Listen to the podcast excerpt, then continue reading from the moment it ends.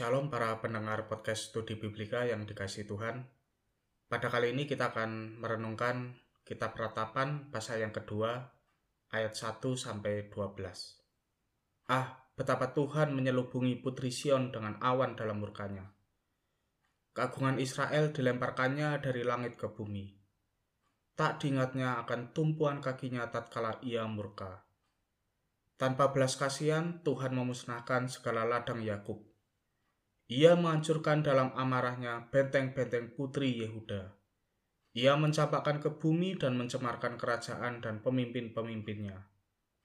Dalam murka yang menyala-nyala, ia mematahkan segala tanduk Israel, menarik kembali tangan kanannya pada waktu si seteru mendekat, membakar Yakub laksana api yang menyala-nyala, yang menjilat ke sekeliling. Ia membidikan panahnya seperti seorang seteru dengan mengacungkan tangan kanannya seperti seorang lawan, membunuh segala yang menyenangkan mata dalam kemah putri Sion, memuntahkan geramnya seperti api. Tuhan menjadi seperti seorang seteru. Ia menghancurkan Israel, meremukkan segala purinya, mempuingkan benteng-bentengnya, memperbanyak susah dan kesah pada putri Yehuda. Ia melanda kemahnya seperti kebun, menghancurkan tempat pertemuannya, di Sion, Tuhan menjadikan orang lupa akan perayaan dan sabat dan menolak dalam kegeraman murkanya raja dan imam. Tuhan membuang mesbahnya, meninggalkan tempat kudusnya, menyerahkan ke dalam tangan seteru tembok puri-purinya. Teriakan ramai mereka dalam bait Allah seperti keramaian pada hari perayaan jemaah. Tuhan telah memutuskan untuk mempuingkan tembok putri Sion ia mengukur semuanya dengan tali pengukur, ia tak menahan tangannya untuk menghancurkannya. Ia menjadikan berkabung tembok luar dan tembok dalam, mereka merana semua. Terbenam gapura-gapuranya di dalam tanah. Tuhan menghancurkan dan meluluhkan palang-palang pintunya. Rajanya dan pemimpin-pemimpinnya berada di antara bangsa-bangsa asing. Tak ada petunjuk dari Tuhan, bahkan nabi-nabi tidak menerima lagi wahyu daripadanya. Duduklah tertegun di tanah para tua-tua putri Sion. Mereka menabur abu di atas kepala dan mengenakan kain kabung. Darah-darah Yerusalem menundukkan kepalanya ke tanah. Mataku kusam dengan air mata, remuk redam hatiku, hancur habis hatiku karena keruntuhan putri bangsaku, sebab jatuh pingsan kanak-kanak dan bayi di lapangan-lapangan kota. Kepada ibunya mereka bertanya, mana roti dan anggur? Sedang mereka jatuh pingsan seperti orang yang gugur di lapangan-lapangan kota ketika menghembuskan nafas di pangkuan ibunya. Amin. Sudah satu tahun sejak pandemi COVID-19 merebak, umat Kristen di seluruh dunia tidak bisa beribadah di gedung gereja. Banyak orang yang mengungkapkan kesedihan dan kerinduan mereka karena tidak bisa merasakan suasana ibadah seperti sebelumnya. Daniel Irving, seorang pendeta di Texas, bahkan sampai memasang foto jemaat gerejanya di bangku-bangku ruang ibadah. Dia melakukannya untuk memberi sentuhan emosional pada saat berkhotbah secara online. Perasaan sedih seperti ini juga pernah terjadi pada umat Tuhan di zaman Perjanjian Lama. Setelah terpecahnya kerajaan Israel pada masa Salomo, umat Tuhan terus merosot rohaninya dan berulang kali meninggalkan Tuhan. Bangsa Yehuda, yaitu kerajaan selatan, tidak luput dari dosa ini. Akibatnya, Tuhan pun murka dan Yerusalem, ibu kota Yehuda, dibiarkan direbut oleh Babel. Pada waktu itu, keadaan bangsa Yehuda benar-benar terpuruk. Di dalam ratapan 2 ayat 1 sampai 12 ini digambarkan orang-orang Yehuda merasa Tuhan itu seperti musuh yang sangat murka.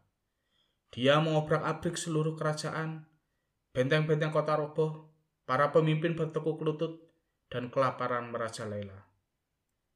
Tetapi masih ada satu hal lagi yang lebih mengejutkan lagi dibanding semuanya itu. Tuhan dikatakan menghancurkan baitnya dengan cara membiarkan bangsa Babel memasuki bait suci. Padahal bait suci dikenal sebagai kebanggaan bangsa Yehuda dan dianggap sebagai tempat di mana Allah hadir.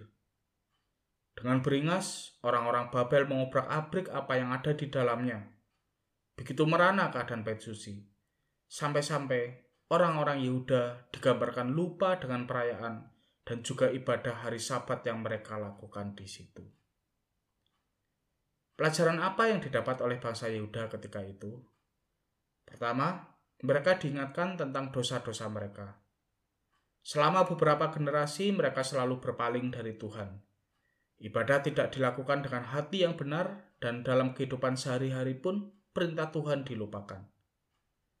Yang kedua, mereka juga belajar bahwa keagungan Tuhan tidak bisa dibatasi oleh bait suci, semegah apa pun bangunannya kapan pun Tuhan bisa undur. Kita memang tidak bisa beribadah di gedung gereja bukan karena Tuhan murka atas dosa-dosa kita. Pandemi ini dialami oleh semua orang, baik umat Tuhan maupun bukan.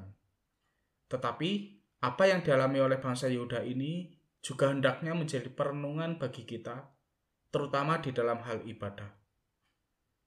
Apakah selama ini kita beribadah kepada Tuhan dari hati yang mengasihi Tuhan atau ada motivasi yang lain. Jika kita merasa kurang serak dengan beribadah di rumah, mungkin kita masih bergantung pada kemegahan gedung atau kemeriahan suasana ibadah. Lalu, kerinduan kita untuk berkumpul dalam gereja jangan sampai mengalahkan kerinduan kita untuk bersekutu dengan Tuhan. Manfaatkan waktu untuk merenungkan firman Tuhan, berdoa, dan saling bercakap-cakap tentang iman di antara anggota keluarga. Gedung gereja boleh tutup, tetapi seperti yang ditulis di dalam 1 Korintus 3 ayat 16, tidak tahukah kamu bahwa kamu adalah bait Allah dan roh Allah diam di dalam kamu? Setelah Tuhan Yesus bangkit dan naik ke surga, Roh Kudus bertahta dalam diri orang-orang percaya. Jadi pada masa kini, kita sendirilah bait Allah itu Dibanding hanya sibuk memikirkan kapan gedung gereja dibuka kembali, mari kita lebih baik sibuk menjaga diri untuk hidup berkenan bagi Allah dan memperhatikan anggota keluarga Allah lainnya. Amin. Ada dua pertanyaan yang kiranya dapat membantu kita untuk merenungkan firman Tuhan ini dengan lebih dalam.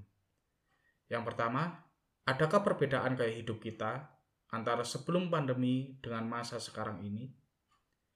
Apakah itu membuat kerohanian kita meningkat atau malah menurun? Jika gaya hidup sekarang ini membuat rohani menurun, perbaikilah. Yang kedua, hal-hal praktis apakah yang bisa kita lakukan pada masa-masa sekarang ini untuk menjaga relasi dengan Tuhan dan menjadi berkat bagi sesama? Kiranya pertanyaan ini dapat kita renungkan bersama Tuhan memberkati dan sampai jumpa di renungan-renungan selanjutnya.